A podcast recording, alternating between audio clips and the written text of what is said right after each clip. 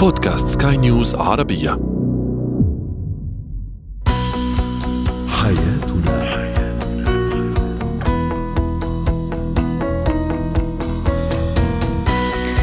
مستمعينا الكرام أهلا بكم معنا إلى حياتنا. فضاؤكم اليومي الذي يعنى بشؤون الأسرة وباقي الشؤون الحياتية الأخرى والذي يمكنكم الاستماع إليه عبر منصة سكاي نيوز ارابيا dot com slash podcast وباقي منصات سكاي نيوز عربيه الأخرى.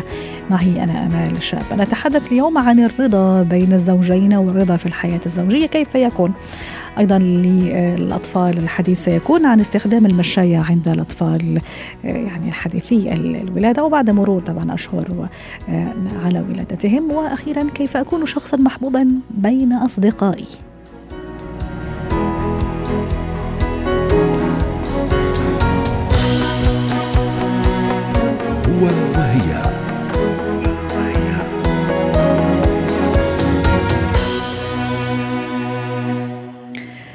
الرضا. طبعا هي صفة جميلة جدا متى ما اكتسبناها وتشربنا بها ارتحنا في الحقيقة. ماذا عن الرضا في الحياة الزوجية؟ كيف يكون الرضا في الحياة الزوجية؟ هل يعني أنه لا أتطلع لأشياء أحسن؟ هذا هل هذا يعني أني لا أتطلع لمستقبل أفضل مع الشريك؟ دعونا نتعرف على هذا الموضوع. كيف يكون الرضا في الحياة وفي الحياة الزوجية؟ مع دكتور هادي الغامدي المحلل النفسي والمستشار الأسري والاجتماعي. يسعد أوقاتك. دكتور هاني كيف يكون الرضا في الحياة الزوجية وبين الزوجين؟ أهلا وسهلا بك سيده آمال وبكل المستمعين والمستمعات الأكارم. أحسنت سيدتي منك أنت بداتي بان اولا يجب أن نعلم بأن الرضا هو مفهوم ضمني داخل الصدر والعقل يجب أن يكون موجود عند البشر لأنه هناك كثير من التقاطعات في حياتنا قد لا تأتي بما نتمناه نحن. ولكن جزئية الرضا بما قد قدر المولى عز وجل هو أمر مهم بانه أنا أؤمن بهذا الفلاسفي، أؤمن بهذا الأمر كشيء أساسي داخل تكويني العقلي وأيضا لراحة صدري. إذا أنا اعتنقت مفهوم الرضا ساعتها سأسقط واطبقه على ما هو في حياتي يا أمال. رائع. وعجبتني كثير المصطلح اعتنقت مفهوم الرضا لأنه فعلا يعني لازم الواحد يشتغل عليه كثير في الحقيقة دكتور هاني. في ناس تفشل في ناس يعني تضل دائما تقول لك لا أنا أسعى للأحسن أسعى للكمال اللي هو في الحقيقة غير موجود. وفي ناس أخرى تقول لك طيب إذا أنا مش مبسوط أو مش مبسوطة في في حياتي الزوجية يعني أتطلع للأحسن؟ يعني كيف أوفق أنا بين بين الشيئين؟ يعني كيف أكون راضي راضية وفي نفس الوقت هذا لا يمنع أني أتطلع للأحسن أني أتغير أني أغير أيضا في حياتي الزوجية الراهنة.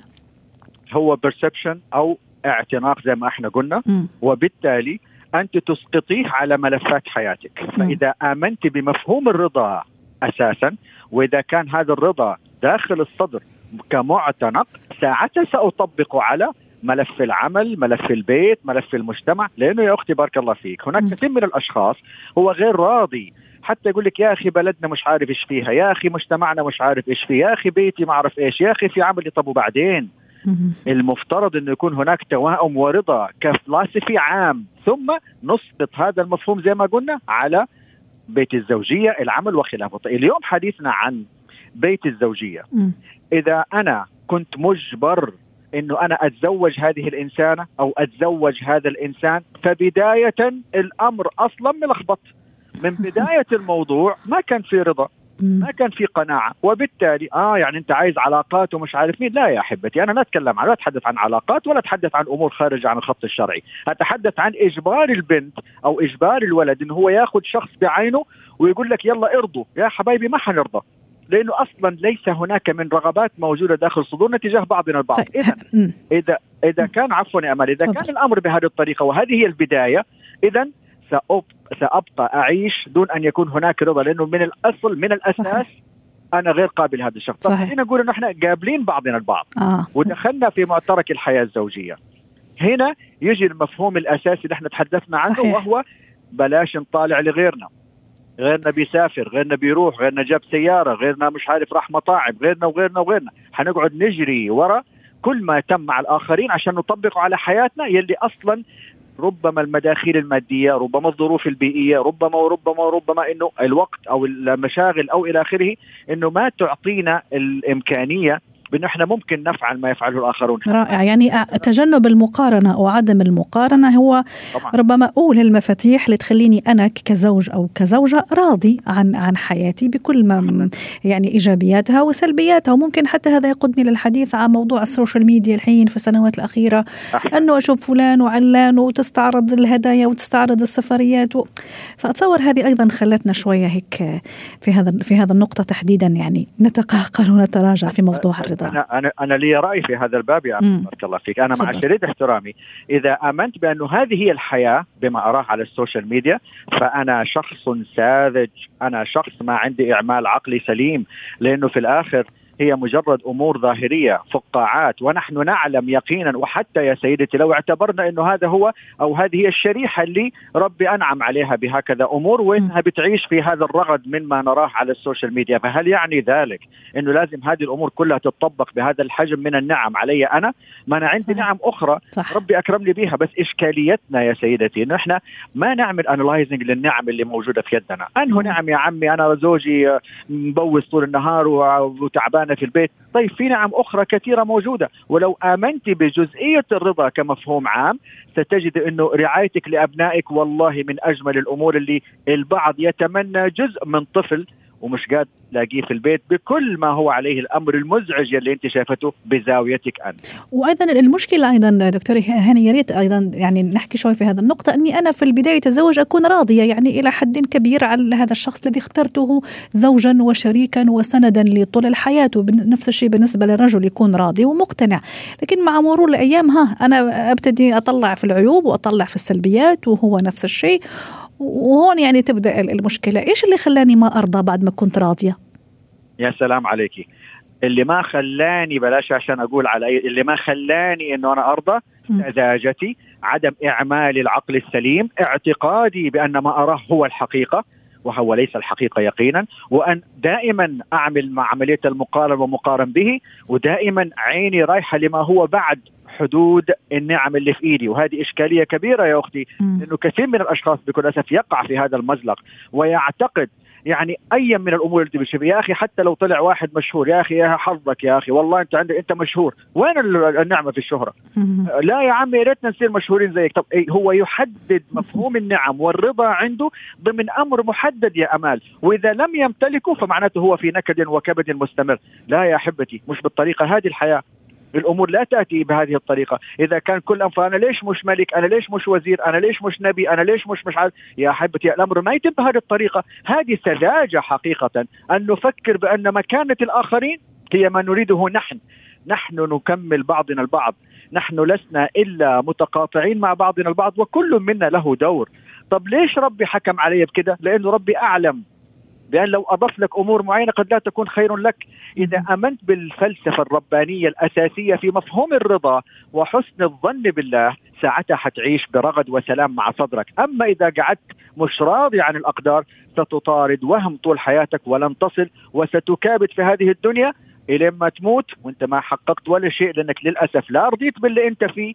وعرفت كيف إنك أنت تقبل هذا الأمر بالقربة من المولى عز وجل والتعامل مع من هم حولك من حجر وبشر ولا إنك أنت وصلت للي أنت تتمناه لأنه هي أقدار مختلفة لأشخاص آخرين. صحيح وأيضا هذا دكتور هاني يقودنا للحديث ويرجعنا أيضا للمربع الأول إنه أنا ليش فتحت بيت وليش عملت هذا الأسرة وليش كونت هذا البيت وليش أنا عازم أو عازمة على الزواج، أنا أقصد هنا لما أكون أنا واعي كفتاة أو كشاب أيضا بالهدف الأسمى من الزواج أكيد راح يكون الرضا حتى وإن كانت في عيوب حتى وإن كانت في سلبيات حتى وإن كانت في أحيانا يعني ها أحيانا أشياء جميلة واحيانا مش جميلة لكن في النهاية أنا الهدف الأسمى أني أكمل مع هذا الشخص سواء كان زوج أو زوجة. أحسنتي. لذلك لما نفهم ماهيه ملف الزواج ساعتها حنعرف الديفينيشن يا أمال ونقدر نحدد ما هي أدوارنا. صح. اليوم لما أنا أقود سيارة على سبيل المثال أعتقد إنه طالما أنا أخذت الرخصة فأنا في سلام مستمر. ابدا مين قال الكلام ده ممكن يجي واحد مجنون ويخبطني بالسيارة ويموتني أو يكسر سيارتي. اذا بالتالي لما أعرف ماهيه الأمر ما هو عليه الأمر ما له وما عليه ساعتها حأتقبل أجهز عقلي بأن هناك دائما أخذ ورد up and down في أمور كثير تحتاج إلى إعمالات عقلية ورضا أساسي صحيح. قاعدة أساسية. وبالتالي أستطيع إنه أنا أتعامل مع المواقف المختلفة. إنما حياتنا كلها نمسك أيادينا في بعض ونقعد نشوف فلان اللي بتغني وفلان اللي بيغني والورد. وحتى نشوف عيوب بعض يعني أنا كمثلا كزوجة أكيد يعني زوجي في عنده عيوب وعنده إيجابيات يعني ليش مثلا أركز فقط على العيوب وأترك إيجابياته؟ فتصور هون يكون الرضا وهون تكون الموازنة. أختي احسنتي أرجع يا أختي لكلمة ساذج اللي أطلقتها عني أنا. السذاجه أحيانا عدم وجود إعمال عقلي سليم لن يعطيني النتائج اللي على أرض الواقع ممكن تطبيقها. لأن سذاجتي أنا عدم اعمال العقل السليم أنا مقارنة ومقارن به من قبلي أنا. أنا اللي جاب الهم والبلاء النفسي وبالتالي أتحمل النتائج. شكرا لك دكتور هاني الغامدي المحلل النفسي والمستشار الاسري ضيفنا من جدة.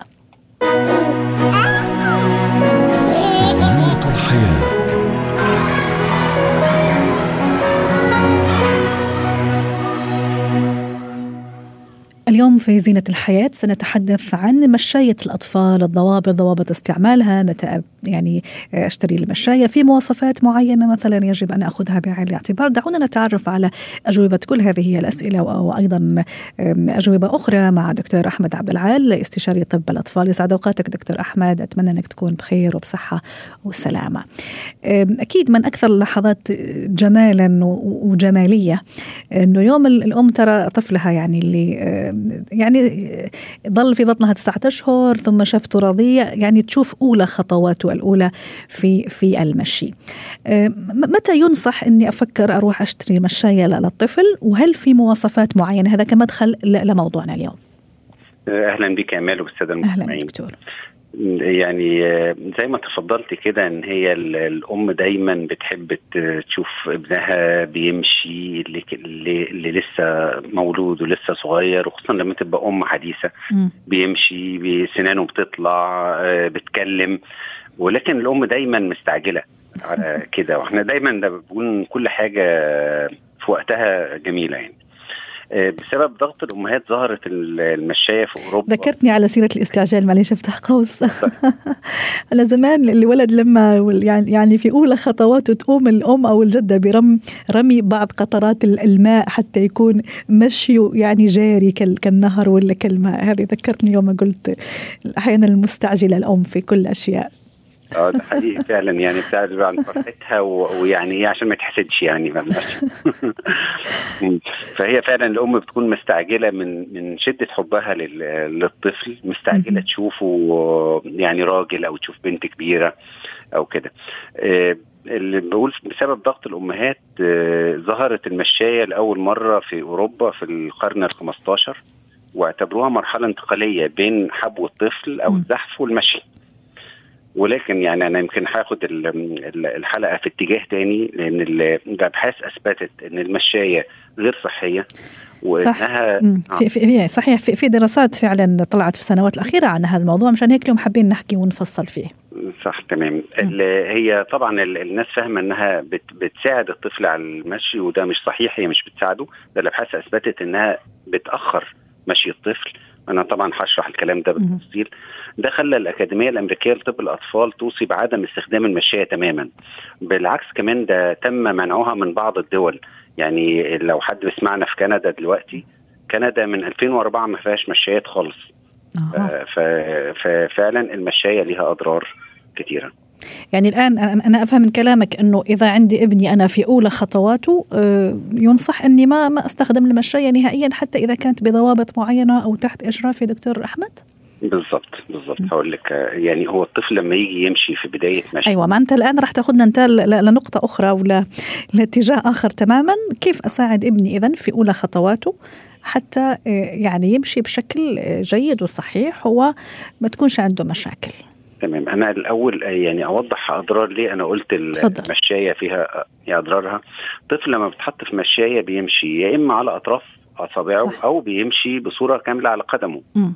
لو افترضنا إنه هيمشي على أطراف أصابعه لأن رجليه لسه مش شايلاه زي ما بيقولوا في الحالة دي بيتعود إنه يمشي على أطراف أصابعه وبيبقى صعب إن هو يتعلم المشي بطريقة صحيحة بعد كده.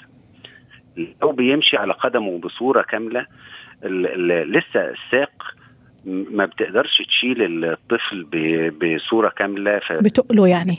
آه نتيجة عدم عدم نمو العضلات والعظم عشان تقدر تشيل الطفل. فبيحصل تقوس وتشوه في في الساقين. وفي حاجة اسمها green stick fracture يعني زي العود الأخضر لما لما يتني. العود الأخضر لو اتنى بيبقى شكل الرجل كده بالظبط. بالإضافة إن اللي بيكون عنده حرية للوصول للاشياء بدري وممكن يأذي نفسه لو ما كانش في رقابة شديدة عليه. لكن في بعض الأمهات اللي ممكن عم يسمعونا الحين يقول لك لا أنا ربيت اولادي كلهم بالمشاية وأمورهم طيبة و... ويعني ما عندهم أي مشكلة يعني معظم اللي بشوفهم في العيادة كده رجلهم متقوصة فالا وفي ناس بيجوا يشتكوا الشكوى دي دلوقتي حاليا. يعني جايين العياده لهذا السبب يعني. فالافضل من كده إن هم إن إحنا ندور على أسباب تأخر المشي. هل المشي متأخر؟ الطفل بيمشي من عمر 10 شهور لتقريبا 14 شهر. بنقدر نقول إنه متأخر لو وصل سنة ونص بدون ما يمشي في الحالة دي يكون متأخر. لازم نشوف السبب. إيه السبب اللي خلى الطفل يتأخر في المشي؟ هل هي أسباب وراثية؟ هل في أسباب صحية يقدر يحددها الدكتور زي مشاكل في العضلات أو الأعصاب؟ أحيانا بعض الأطفال عندهم خلع في الحوض و... ولم يكتشف ويتأخروا في المشي ويكتشف متأخر. نقص فيتامين د الطفل يكون عنده ضعف عام. يعني ما فيش مشكلة عنده في المشي بس عنده ضعف عام في في في بنيته فبالتالي بتاخر في المشي. أو العكس إن يكون الطفل وزنه زايد. زايد. وده من ضمن الأسباب الواضحة عندنا في دكاترة الأطفال كلهم يعرفوها إن الوزن الزايد ساعات بنلاقي طفل مثلا عمره سنة ونص وزنه 15 16 كيلو. مش هتشيل الوزن ده كله. صح. في أطفال طبيعية جدا وبس مكسلة تمشي. يعني يعني هو كل حاجة فيه سليمة بس مكسل يمشي. طيب. دكتور أحمد ما دام حضرتك اليوم أخذنا لجهة أخرى تماما على موضوع المشاية. طيب أنا ابني خلاص ممكن يقدر يوقف وعم يعني يشد شوية في حواف السرير الطاولة الكرسي. طب كيف أنا أساعده دام المشاية؟ ممكن تعمل له تقوسات ممكن تعمل مشاكل. كيف أساعده حتى يعني يمشي وحتى أيضا يشيل من من من نفسه هذيك هذاك الخوف وهذيك الرهبة؟ أحيانا في عندهم خوف وعندهم رهبة. ممكن بالمشاية زمان كانت خلاص هو ينطلق عارف أنه في مكان آمن وما عنده مشكلة. بس أكيد لما يكون لوحده إلا ما في خوف ورهبة. تمام كلامك مظبوط تمام. يعني أنا هقسم السؤال ده لجزئين في نصايح للأهل وفي إزاي إزاي يساعدوا ابنهم إن هو يمشي. م. يعني النصائح في الأهل زي ما قلت الأول كطبيب هقول إن إحنا نستبعد الأسباب العضوية. آه لازم بقول للأم لازم تحترمي قدرات طفلك. وما تقارنهوش بالآخرين يعني أخوه مشي عند 10 شهور هو هيمشي عند 13 شهر ده طبيعي وده طبيعي. ما فيش داعي تضغطي على الطفل أكتر من اللازم عشان ما تسببلوش مشاكل. آه حافظي على التغذية السليمة لطفلك عشان كل حاجة تكون في وقتها زي ما قلنا. آه فيتامين د زي ما اتكلمت مع معاك يا امال قبل كده في حلقة على فيتامين د ان إحنا بنديه من أول ولادة لغاية عمر سنتين بصورة روتينية. لأن ده بيساعد على المشي والتسنين وحاجات كتيرة جدا في العمر ده للطفل. إزاي الأم تعلم الطفل المشي؟ أول حاجة. في دقيقة دكتور أحمد أعرف إنه صعب شوي بس في دقيقة. إزاي تشيل المعوقات إذا كان في سجاد؟ يفضل تعلمه وهو ماشي حافي القدمين مش لابس حاجة في رجله. تقعد على الأرض وتمسك بإيديه الاثنين وتحاول تمشيه. لو في استجابة ممكن بعد شوية تمسكه بإيد واحدة وتمشيه. دايما تخلي فيه قدامه حافز. رائع. آه بيحبوا الوصول ليه كورة مكعبات ألوان حاجة بيحبها. لازم الأم تكون هادية. ما ترعبش الطفل لو وقع مرة ورد فعلها كان عنيف بعد كده الطفل هيخاف يمشي تاني وممكن يتأخر في المشي. صحيح. أقل من دقيقة. الله يخليك. شكرا لك دكتور أحمد عبد العال طبيب من الاطفال ضيفنا العزيز كنت معنا من أبو ظبي. مهارات حياة.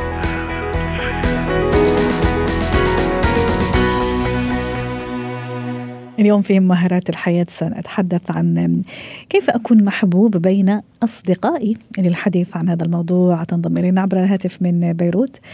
تانيا عوض غرة يسعد أوقاتك أستاذة تانيا أكيد. كنا عندنا أصدقاء وصديقات وأكيد يعني نحب نكون محبوبين يعني في أوساطهم. أحيانا لا نفشل أنه نكون كذلك. في طرق معينة تخليني أنا أكون محبوبة من قبل أصدقائي وصديقاتي؟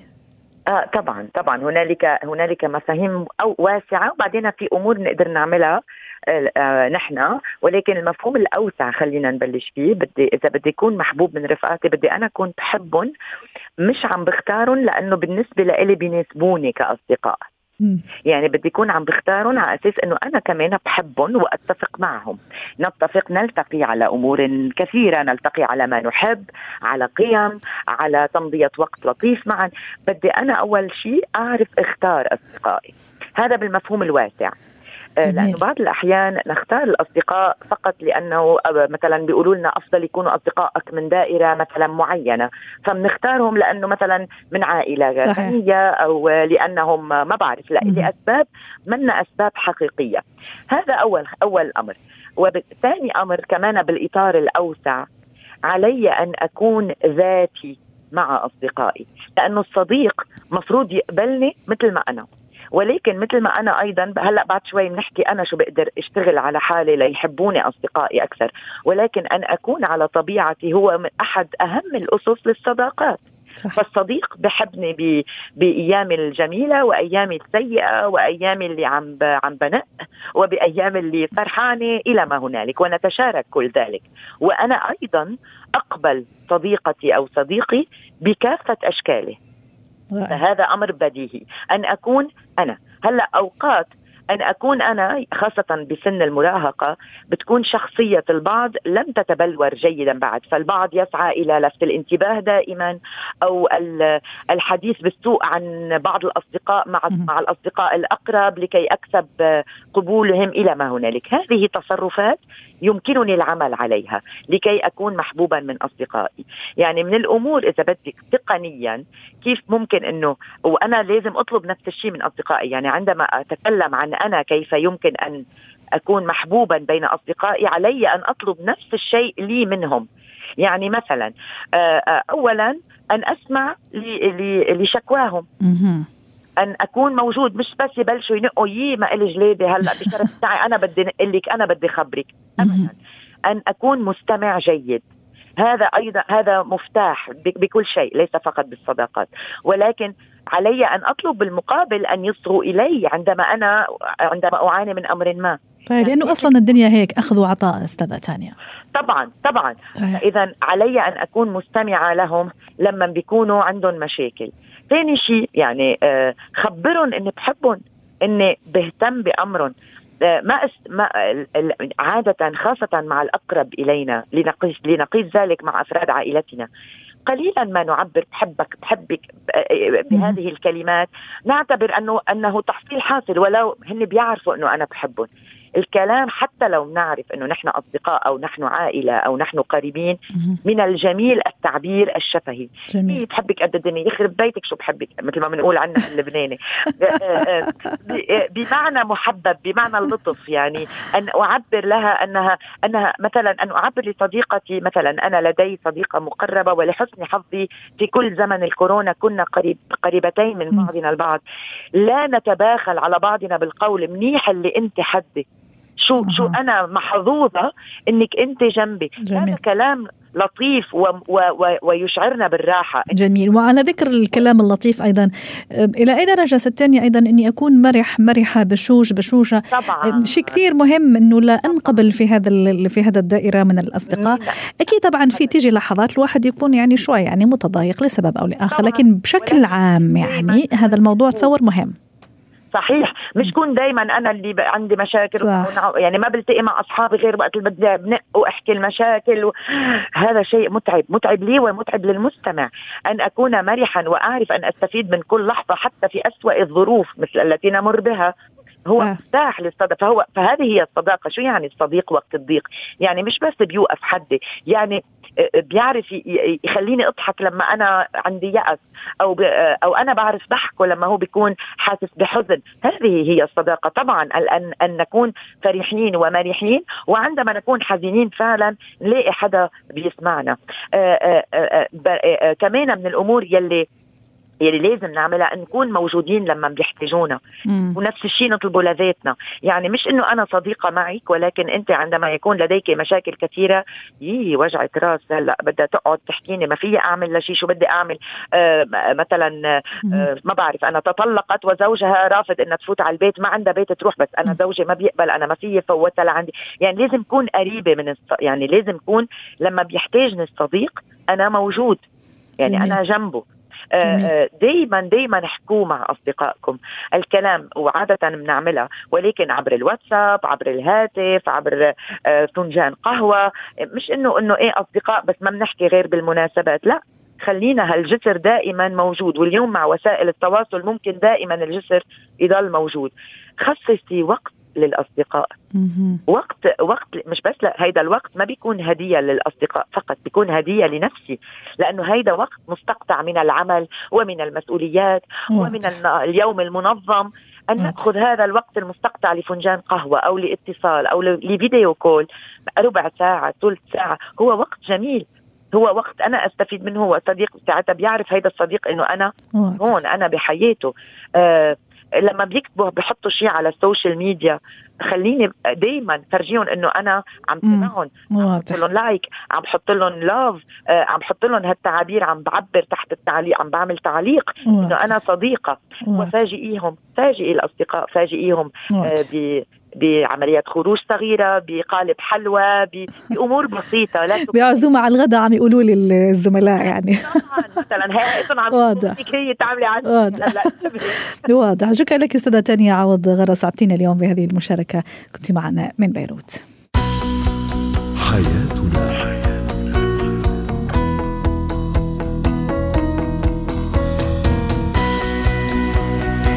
ختام فضاء برنامج حياتنا. شكرا لكم وإلى اللقاء.